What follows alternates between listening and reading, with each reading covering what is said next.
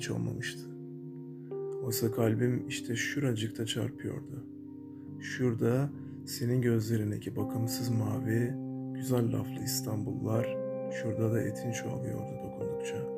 Lafların, dünyaların.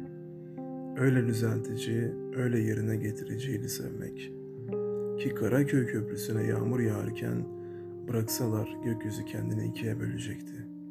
Çünkü iki kişiydik. Oysa bir bardak su yetiyordu saçlarını ıslatmaya.